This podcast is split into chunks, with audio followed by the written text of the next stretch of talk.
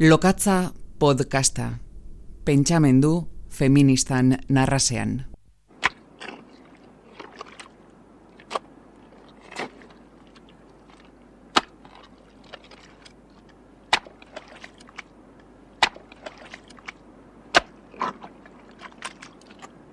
Noiz sentitu nuen lehen aldikotz gatazka hau, noiz jaso nuen lehen tiroa, Itzarmen sozialari segi nerabe egiko bestetan eraikitako dikotomiaren beste aldekoarekin gogoz kontra dantzatzerakoan.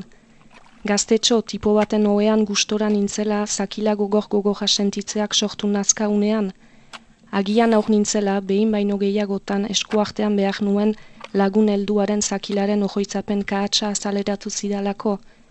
Tipo batek etxera eraman eta bortizki bere ganatu ninduenean. Une bortitzenak dira hauek edo zeinentzat jasan ezinak, gatazkari soiahi eta gogora eturritakoak. Bestelakoak antzesten lortzen nituen. Ez, orduko ez nuen gatazkatzat. Gatazka bat identifikatzerakoan arazo bat identifikatzen da. Hor etzen arazorik. Eteroan nintzen, inguruko beste guzi guziak bezala, eta justu une horietan enuen ongi pasa. Norma ez delarik izendatua, ikusezin izaiteraino omnipresente denean, gatazka bera da identifikatzea zaila.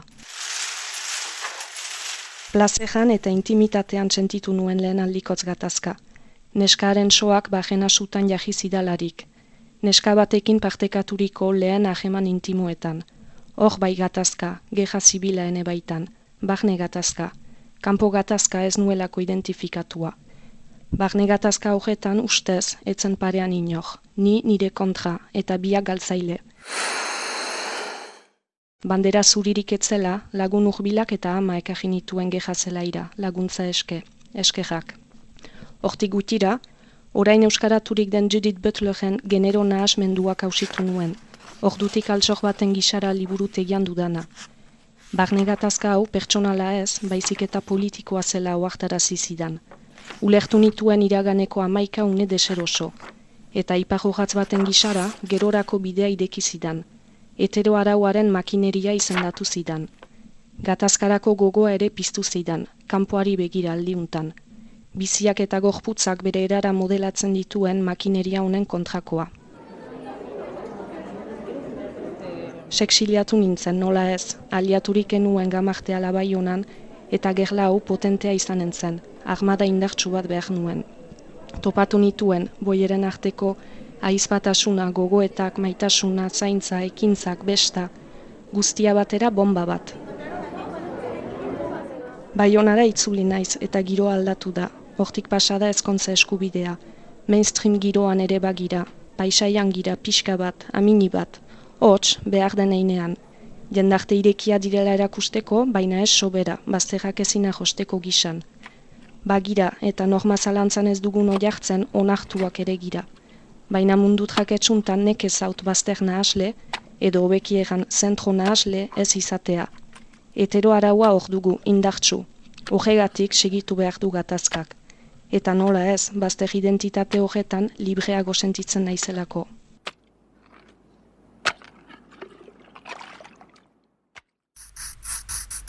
Genofa beroko irigoin.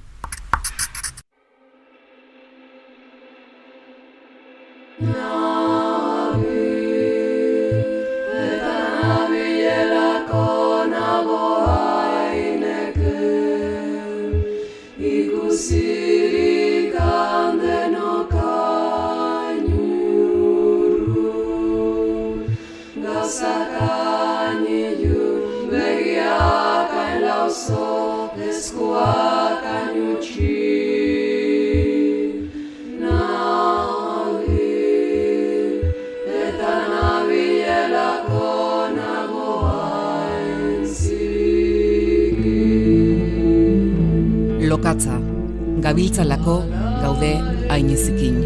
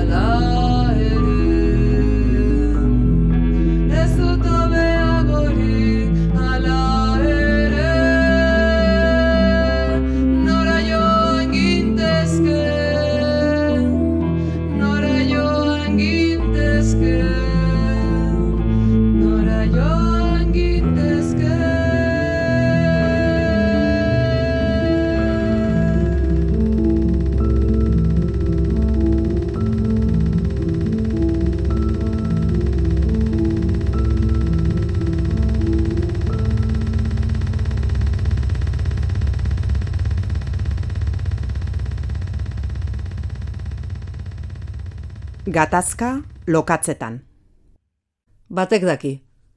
Akaso hitzak zor dizkiogu isiltasunari. Edo hitzei isiltasunak, edo ez dakit.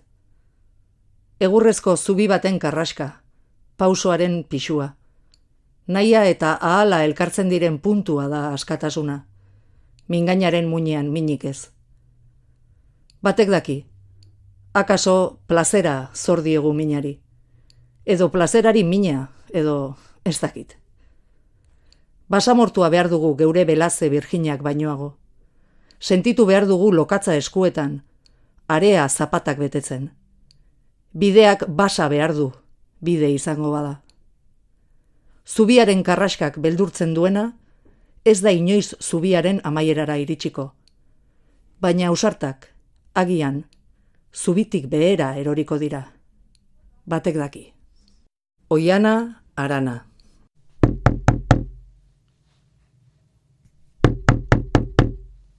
Buruz dakigun isiltasunaren atzean, askotan, gatazka bat ezkutatzen da.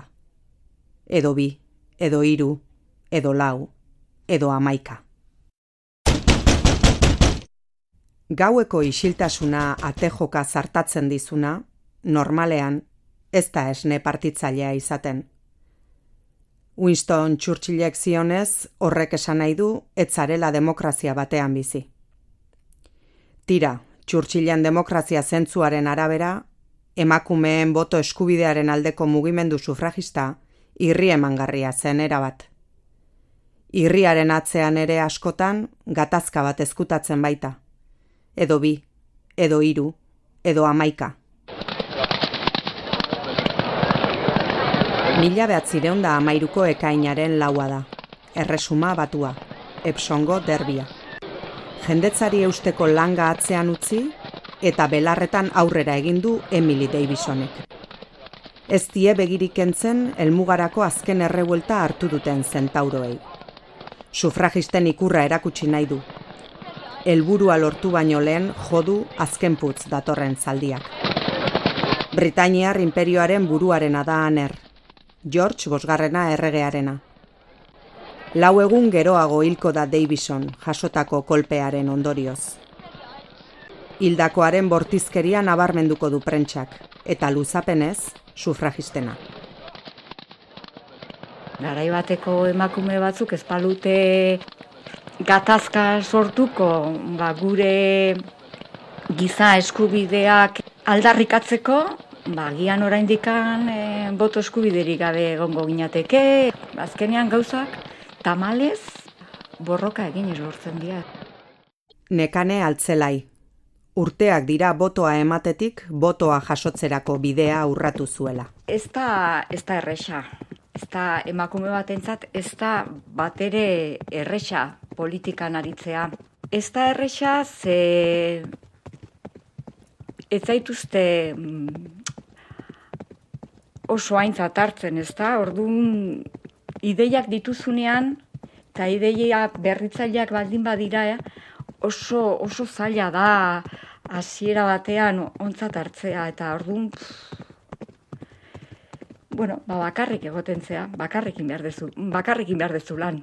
Eta hotxakekin ere, ba, berdina gertatu zitzaigun, ez? E, bueno, hasieran ikusten ziguten, elkartzen ginala, eta cosa de mujerikas. Hauek gisa jau ezin gote due.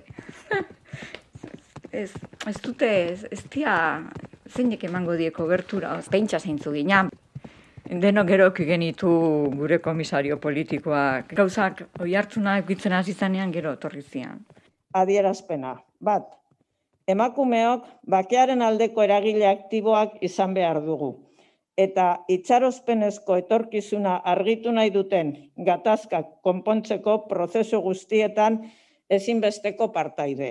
Bi, prozesu horietan ezarri beharreko metodologia elkarguneak bilatzea izango da. 2000 eta seian aurkeztu zuten ahotsak emakume politikarien elkargunea. PP eta UPN izan ezik, Euskal Herriko alderdi politiko guztietako kideak bildu ziren bertan, bakearen eta konponbidearen alde aritzea xede. Herritarren erabakia onartzea proposatu zuten horretarako.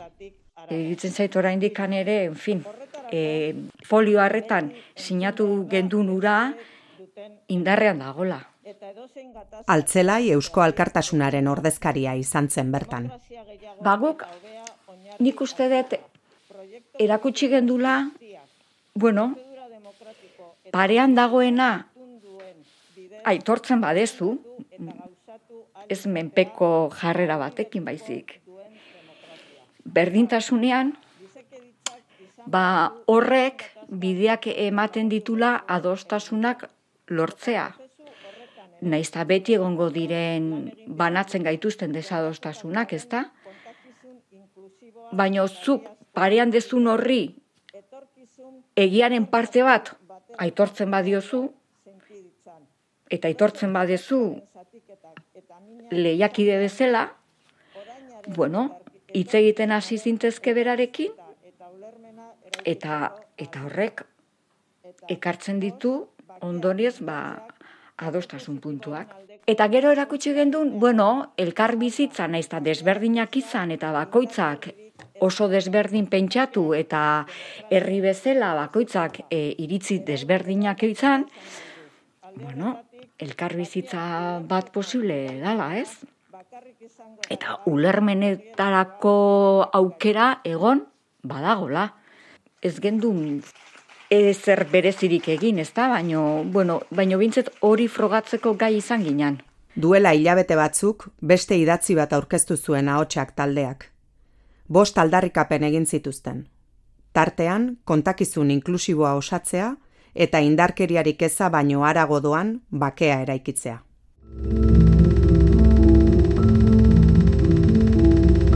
Lokatza, gabiltzalako gaude hainizikin. Hemen bizikidezaren izenean da bake sozialaren izenean ezin da ezer egin, barkatu, barkatu. Bakea, gatazkaren antonimoa. Ustez. Bake soziala. Zapalketaren aurrean ezikusiarenak egiten segitzeko koartada kolektibo bat. Edo bi, edo hiru, edo amaika. Justizia sozialaren antonimo, gero eta gehiagotan. Eta oso zaila dago bake soziala hemen, oso garesti. E, oso garesti dago, ze, bueno, ba, lan baldintzak hobetzen ez diren bitartean, e, soldatak bintzen ez diren bitartean, e, aukerak zabaltzen ez diren bitartean, oinarrizko errenta bat bermatzen ez den bitartean, guzti hori betetzen ez den bitartean, bake sozialik ez da egongo, ongizaterik ez delako egongo, eta, eta demokrazian, ba, erabakitzeko eskubidea onartzen ez den bitartean, eta oinarri demokratikorik ez dagoen bitartean, ba, gatazkak bere horretan irango du. Herriaren e, zati importante batek hilabetearen amaierarako iristeko zailtasunak dauzkenean, horrek lertu behar du. Eta ez dakit gaztek, e, ez dakit mileurista izateaz nazkatzen direnen, horrek lertu behar du. Claro, hemen bake sozialaren izenean batzuk bizidia oso ondo. Baina, claro, beste batzuk oso gaizki.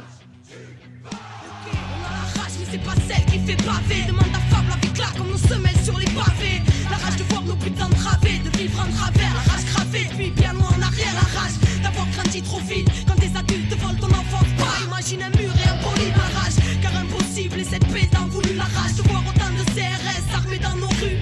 La rage de voir ce putain de monde s'autodétruire et que ce soit toujours des innocents au centre des tirs, la rage, car c'est l'homme qui a créé chaque mur, ces barricades et béton, aurait-il peur de la nature, la rage, car il a oublié 气得上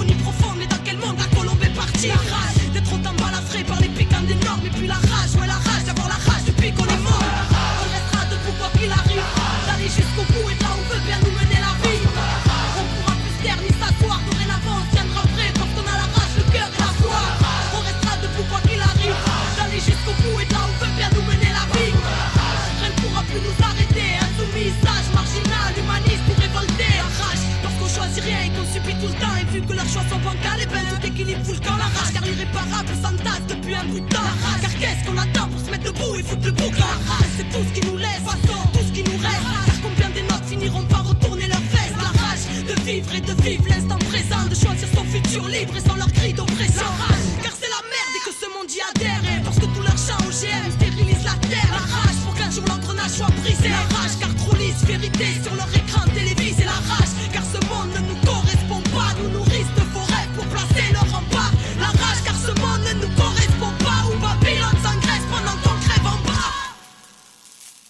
Gorroto dut inor kaingeru deitzea. Niri, nahi dudan bakarra sua denean. Regina Jose Galindo Hitzak zor dizkiogu gatazkak mututzen dituen isiltasunari, eta horretarako aukeratzen dugun hizkuntzaren atzean ere, askotan gatazka bat ezkutatzen da. Edo bi, edo hiru, edo lau, edo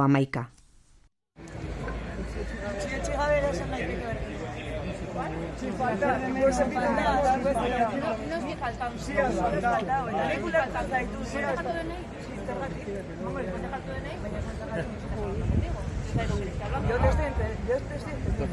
amaika. Deneia, euskeraz, euskeraz hitz egiteagatik, deneia? Euskeraz hitz egiteagatik?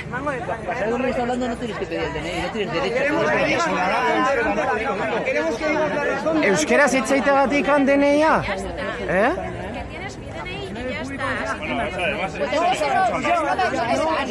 Bueno, da igual. En base, lo que tú quieras. Si yo tengo un problema, te, o me identifico aquí o te identifico en base, lo que tú quieras. Tú decides. Tú decides. Te, lo pido por primera vez. Te lo he pedido tres veces, ¿vale? Primera vez. Y hablando, esto es nuevo, lo siento. Es, es mi primera vez. Vale, te entiendo. Me estás entendiendo perfectamente. Me estás entendiendo perfectamente. Me estás entendiendo perfectamente. Ya está.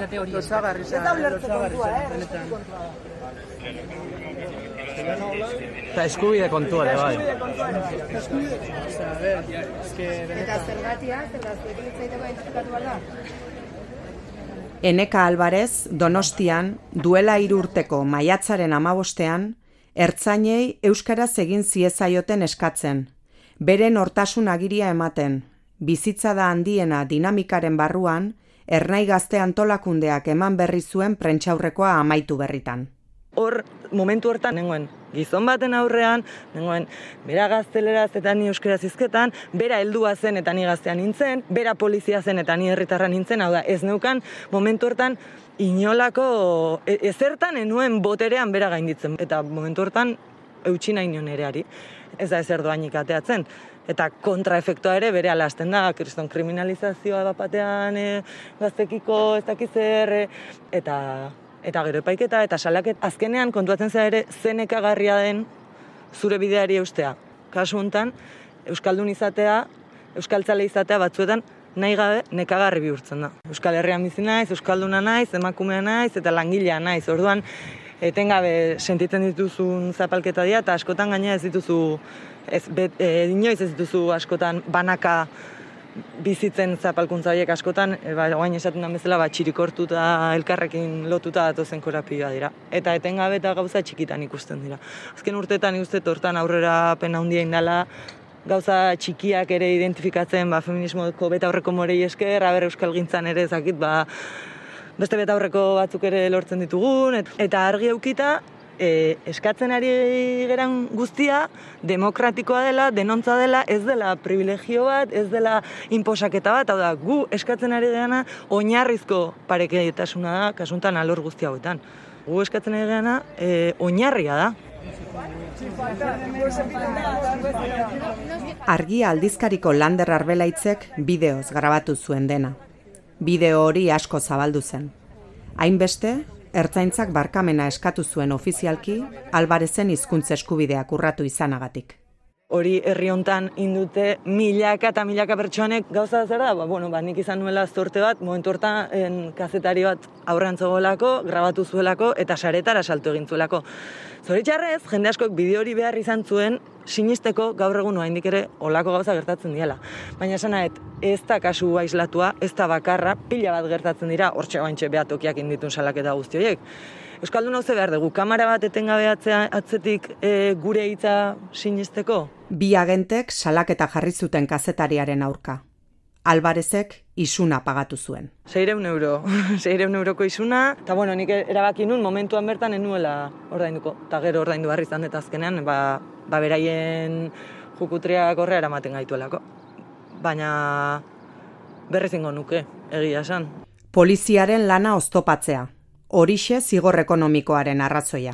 Bakeak esan nahi du orain arte gauden bezala jarraitzea eta ni adibidez emakume eta euskaldun naizen heinean nik zapalduta jarraitzea beste batzuk beraien privilegio juko egin gabe hori ez da bakea edo ez da beintza guztiontzako bakea. Orduan gauzak aldatzea nahi badegu derrigor talka bat egon behar du. Kotan ze gertatzen da berehala kontra erasoa etortzen da. Zuk e, talka egiten duzu gatazka sortzen da eta berehala e, diskurso bat erortzen da zure gainera erradikala, e, talibana, feminazia edo ezagutu hitzak egun beste berrogeita hamar mila adjetibo horiek e, sartzen dizkizute zuri zergatik, zer eta bidega, bidegabekeria baten aurrean altxatzeanean.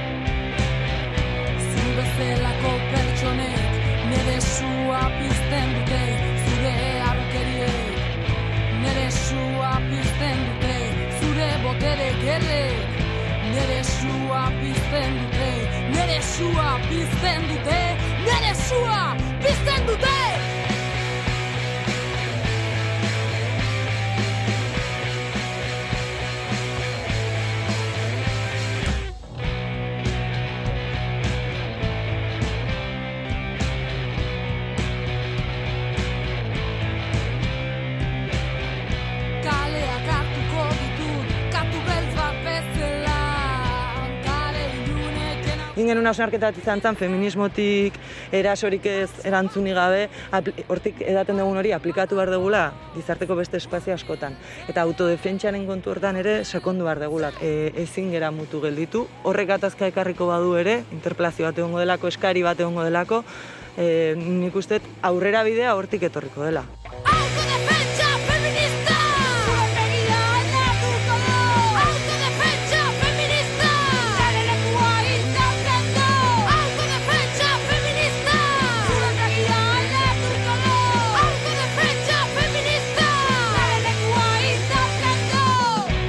Lokatza, gabiltzalako gaude ainezikin. Ez nekien, zera gero goz, feminista izatea zen. Ni pertsona nintzen, emakume bat, berdintasun batean e, hasitakoa. Eta gero esaten duzu, ba ez, gezurra da. Ez gaude berdintasun e, inguru batean e, bizitzen ari. Eta hor konturatu nintzen.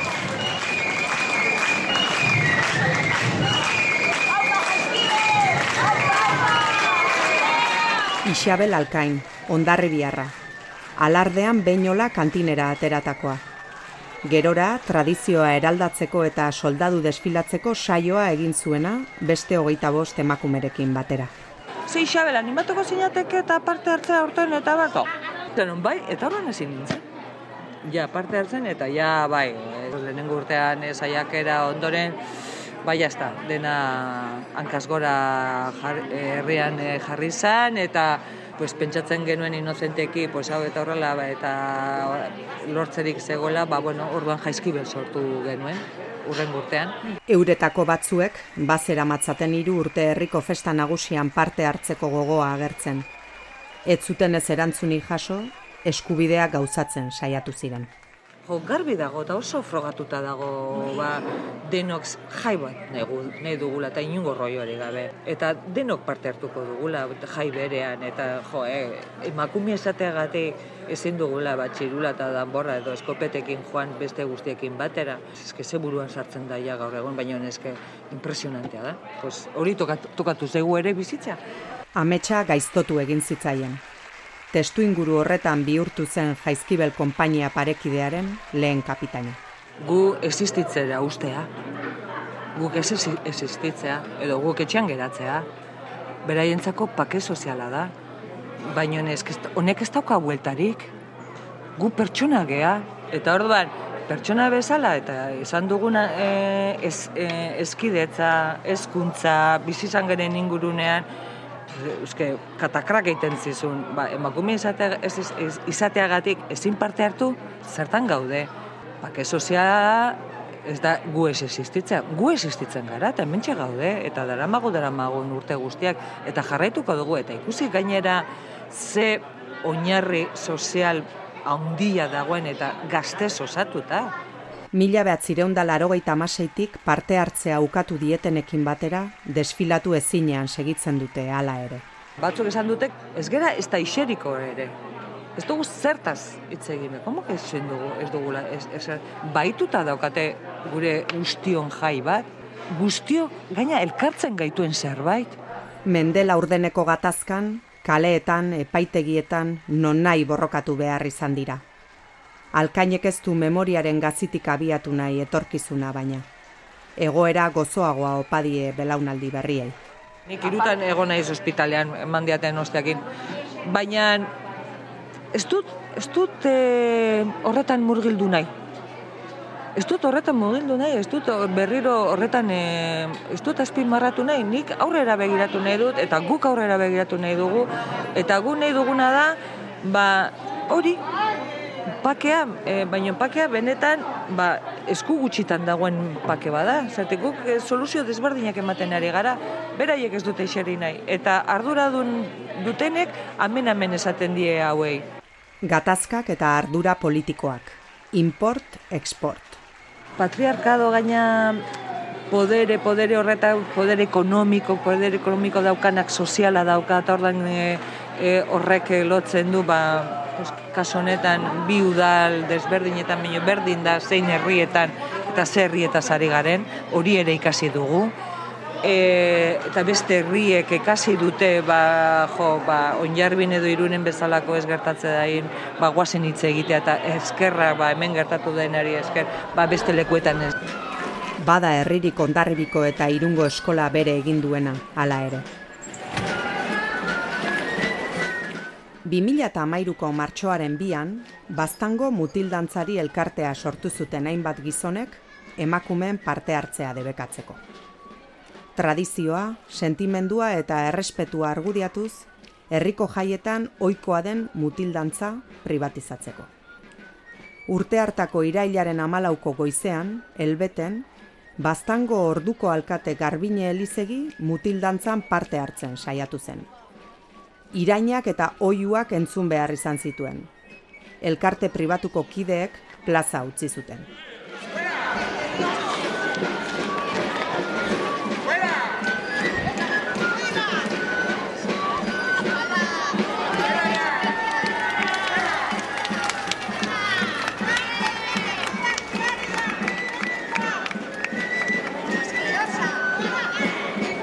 Goizean baino gogorragoa izan zen erantzuna egun hartako gauean. Elizegi eta beste hainbat emakume dantzara sartzen saiatu zirenean.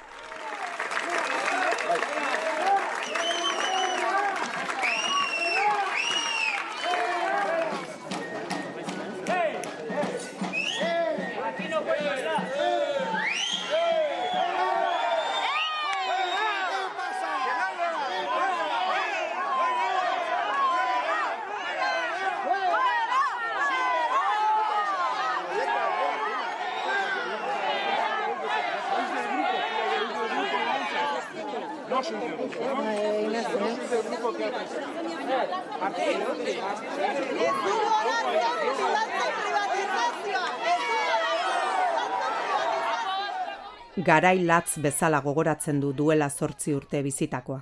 Karo, gu hartzen ginen, gure presentziarekin bakarrik ja gatazka bat sortzen zela, ez?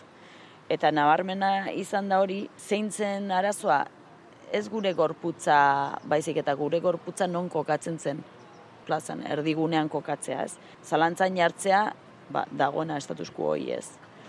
Eta horrelako ekintza simple ematen duen batekin, nola mugitzen dian hemengo botere hegemoniko guztiak. Ez? Eta hori gertatu zen mutil lantzekin. Nik uste dut e, importantea dela, ze askotan ba, burua igueltaka eta nola ingo du gau, eta oso errex eta oso ahul da aldi berean sistema, e, asmatzen badugu non kokatu eta noiz. Ze e, mugimendu gutxi batzukin askotan lortzen aldela ba nolabait kolokan jartzea, ez?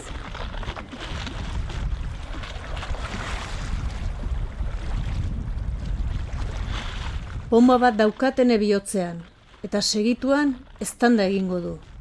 Ez zaitez badazpada ondoan jar. Bihotz puskaren batek harrapatuko zaitu bestela. Eta nire seguruak ez ditu horrelakoak ordaintzen. Castillo Suárez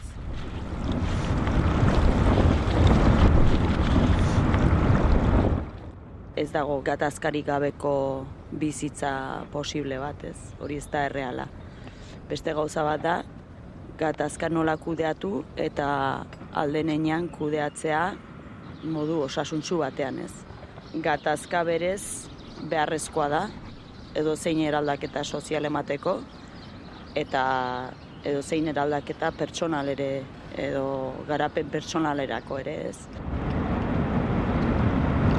Makume izatea, Euskalduna izatea, eh, lurraren defentsan aritzea, dagon egoerari edo zein kritika egitea edo e, oiko rol tradizional horietatik at egotea, ja gatazka da. Ez da zaia, gatazka sortzea gaur egun. Ze gero jende gehiago gaude e, edo gara, ba sistemaren biktimak, ez? Sistemaren biktimak eta eta zapalduak, ez? Eta zapalduak garen einean, ba, zapalkuntza horren kontra egiten dugun aldiero, gatazka sortuko da. Gatazkari gabe egotea, e, esan nahi du, ba, sumisioa edo asimilazioa onartzea. Ba, sumisioa eta asimilazioa onartzen ez duen pertsona horok edo kolektibo horok e, gatazka sortuko du, nahi eta nahi ez. Eta askotan, existitzea gati bakarrik ez. Emakume bezala, euskaldun bezala, tokatzen zaigu eta bueno, e, hori da gaur egun bizi dugun errealitatea eta bueno, historikoki ere gertatu dena. Zapalkuntza, asimilazioa, kontzientzia, sendabidea. Erizaina da ogibide zelizegi eta ezagundu. Ogibide horrek eramandu munduko beste gatazka batzuen berri zuzenean jasotzera ere. Sudanen, Darfurreko kanpamenduetan aritu zen lanean, 2000 eta bostean, sei hilabetez.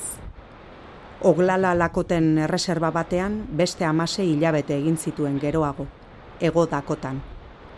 Gatazka gurutzatu ez jabetzen lagundu zioten bateko eta besteko bizipenek. E, niri bi perspektiba horiek tokatu zaizkit.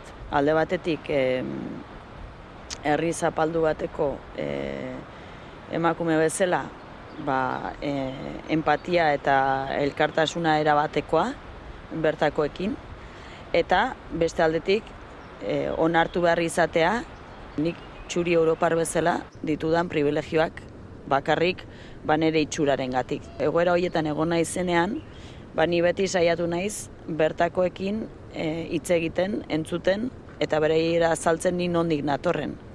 Eta gero nere gatazka gehiena izaten zen txuriekin. E, beraiek ikusten autelakoz alde batetik aliatu bezala, eta nik ez nitun beraiek aliatu bezala. Guk onartzea kolonizatuak izan garela, ez du esan nahi ez garela izaten kolonizatzaile edo kolonizatzaileen konplize. Baina ja kolonizatzailea edo kolonizazio proze- prozesuetan izan dugun ardura onartzeko, ba hori ja kostan zaigu. Zenbaten du horrekin kentzen diogula besteari, eta ez da hori. Eta gauza bera gertatzen zaie gizonei. Beraiek ez dituzte beren privilegioak eta e, e, galdu nahi, eta ez dute boterea galdu nahi, gehien bat. Ze horrek suposatuko luke, ba, etxera joatea eta e, beren bazkaria prestatzera, beren, eta orduan ez daukate hainbeste denbora kalean izateko ba, supermilitantea eta hori dena ez. Zer egin behar dute hemen, nire e, nik hemendik eragiteko. Ez. Zema denbora eskaintzen diogu horri. Ba, gizonek berdin egiten dute. Ba, nik ez diot eskaini behar horri deus. Ni behartu behar nauzue hori egitea. Gatazka.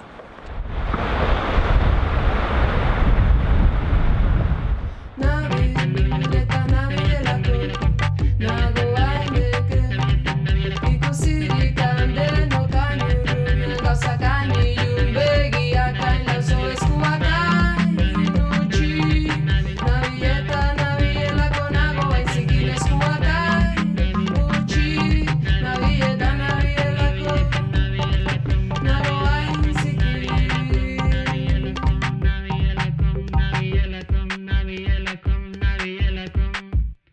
Gure erroak lurretik bortxaz bereizten dituzte.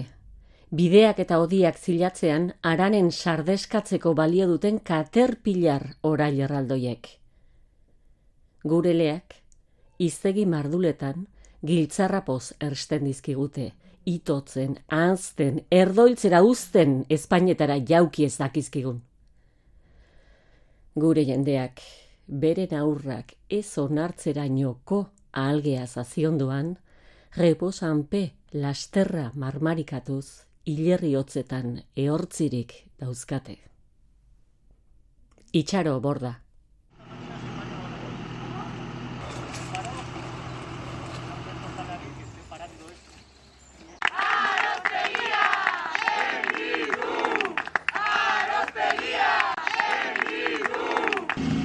Bai, hori da beste beste gatazka bat, eh, sistema kapitalistak behar ditu baliabide naturalak. Lurra erasotu gabe ez da sostengatzen. Orduan, e, bueno, badago estrategia e, mundu mailakoa e, landa eremua gutxiesteko, landa eremutik zerbitzuak entzeko, landa eremutik e, ba, jendeak alde egiteko, ez. Eta e, estrategia horretan ba, indarkeri matxista eta patriarkala areagotzen da emakumeak ere deserosoago egoteko landa ere ez.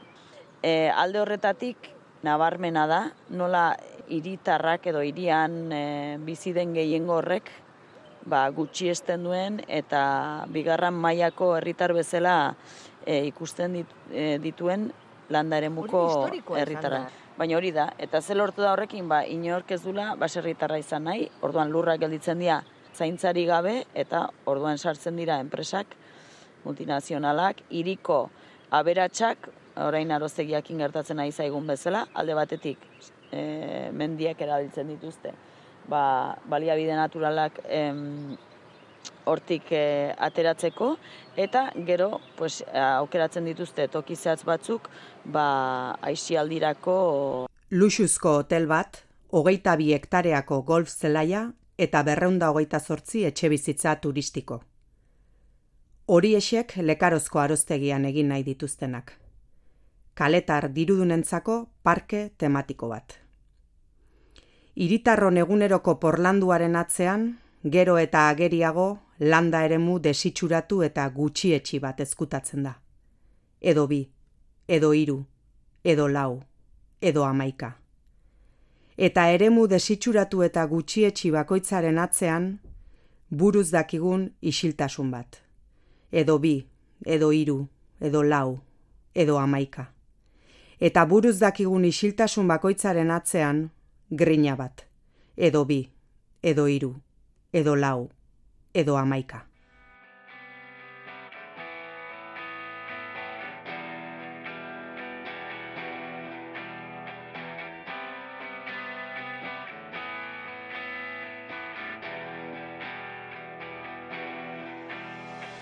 Defendatu gorputza zure espazio segurua. Defendatu lagunak da zaindu zure burua. Defendatu pentsaira irasotzen gaituz eta Iraso motez berdinak daude gure inguruan. Defendatu gorputza zure espazio segurua. Defendatu lagunak da zaindu zure burua. Defendatu pentsaira irasotzen gaituz eta Ah, Poliziak ez nau zaintzen, nire lagunek bai. Askotan esan dut, eta esango dut orain Poliziak ez nau zaintzen, nire lagunek bai. Erasoen aurrean, defendatuko kara Erantzun kolektiboa, morroaren indarra. Autodefentsazio, violentzaz behar bada Autodefentsa kada eskina satirak dion bezala. Bakoitzaren, etika martzialak Defentsa fisikoa beldurtzen aldu gure itzalak. Askotan esan dudan bezala Sistema mierdonen bekitan, ez alginen igualak. Kapitalismoak erasotzen du Taien estetika eredu heteropatriarkalak Amantzok ez zitu ekiten favoreak Guztiaien kontra harrikadak utziloreak Poliziak esan zaintzen nire lagunek bai Askotan esan dut, eta esango dut orain, eh? Zapalduta zapaltzaile garen garaietan Estungol batzuk aztu dutela bidean. Fakter, fobeto legoke lurpean Gora bitch, bus, diska, trans, da migranteak Poliziak ez hau zaintzen, nire lagunek bai. Askotan esan dut, eta esango dut orain Poliziak ez hau zaintzen. Ta hori da klabea elkarsen katando lakuntza Lasai ez ugula bargizon protaren laguntza Bultza, jaigunetik aduntza Bultza, indartu to defentsa antolakuntzan.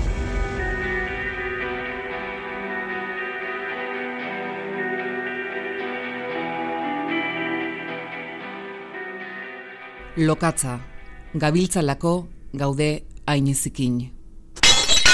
Ai, gure joaneteak.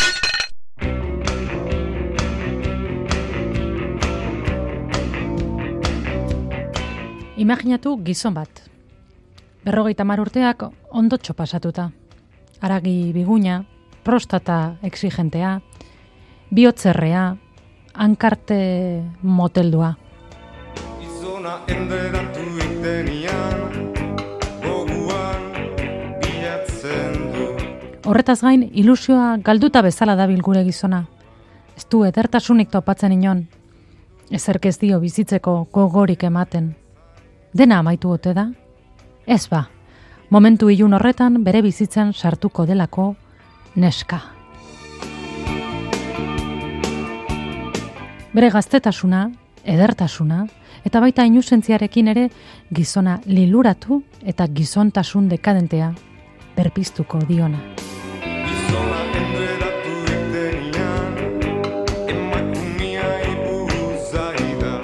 Eta enaiz lolita estiloko istorio ezari.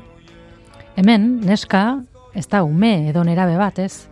Hogeita hiru edo hogeita lau urte izango ditu gutxienez. Eta, arrazoi misteriotsuak tarteko, erakargarria oso egiten zaio hile urdindua, edo soilgunea, eta hankarte moteldua. I feel your love.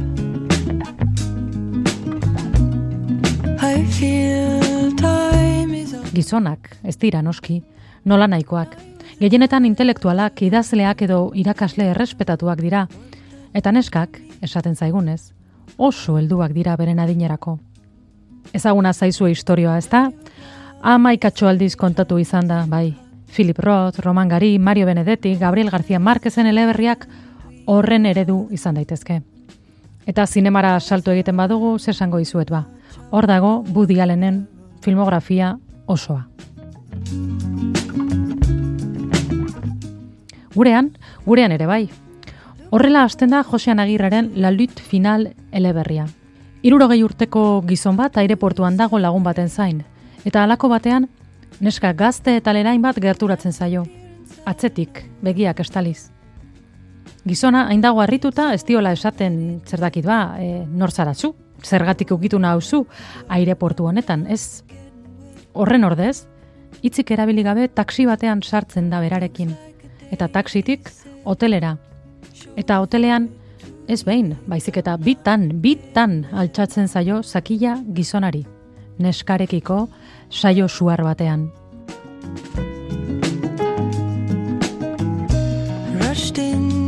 Enaiz nor jakina idazle bati zertaz idatzi behar duen esateko.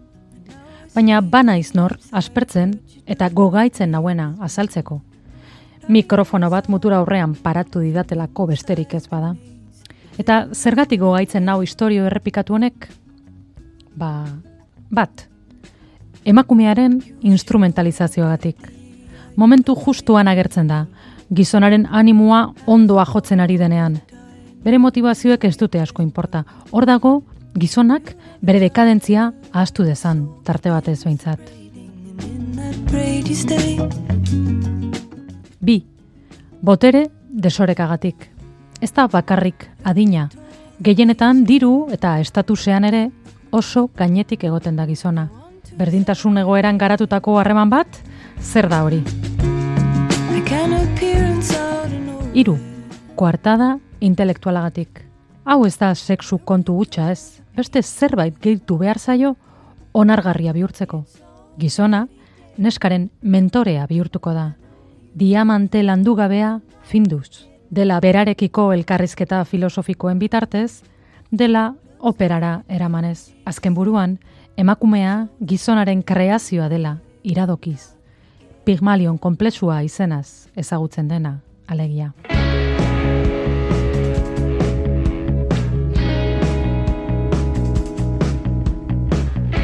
Hala ere, bai tentagarriak historia hauek gure idazle gizonentzat. Are, gure Ramon Saizar Vitoria Mirestuak ideia berarekin jolastu zuen Lili eta Biok eleberrian. Azkenean, modu abilean, saiestu bazituen ere, sexu implikazioak.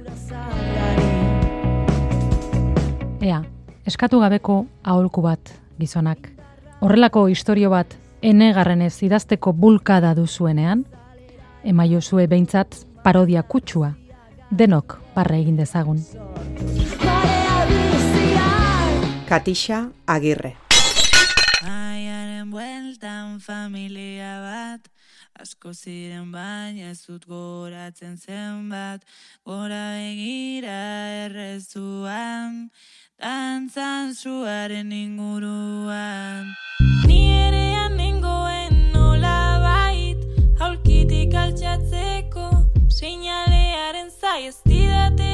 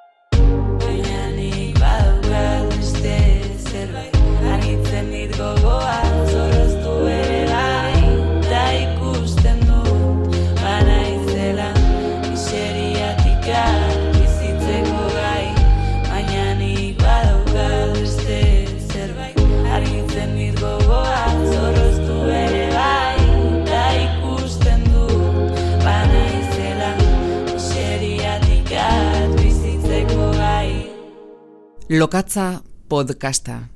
Pentsamendu feministan narrasean.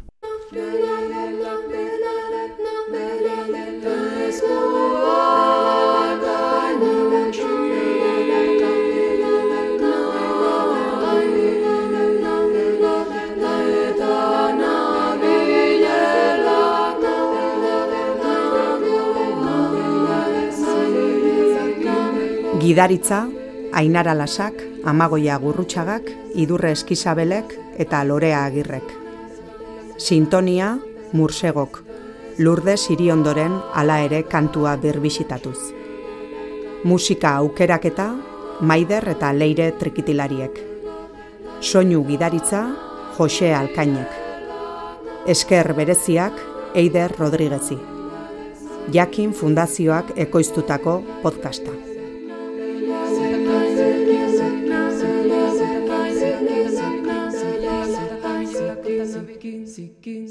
间，时间，时间，时间。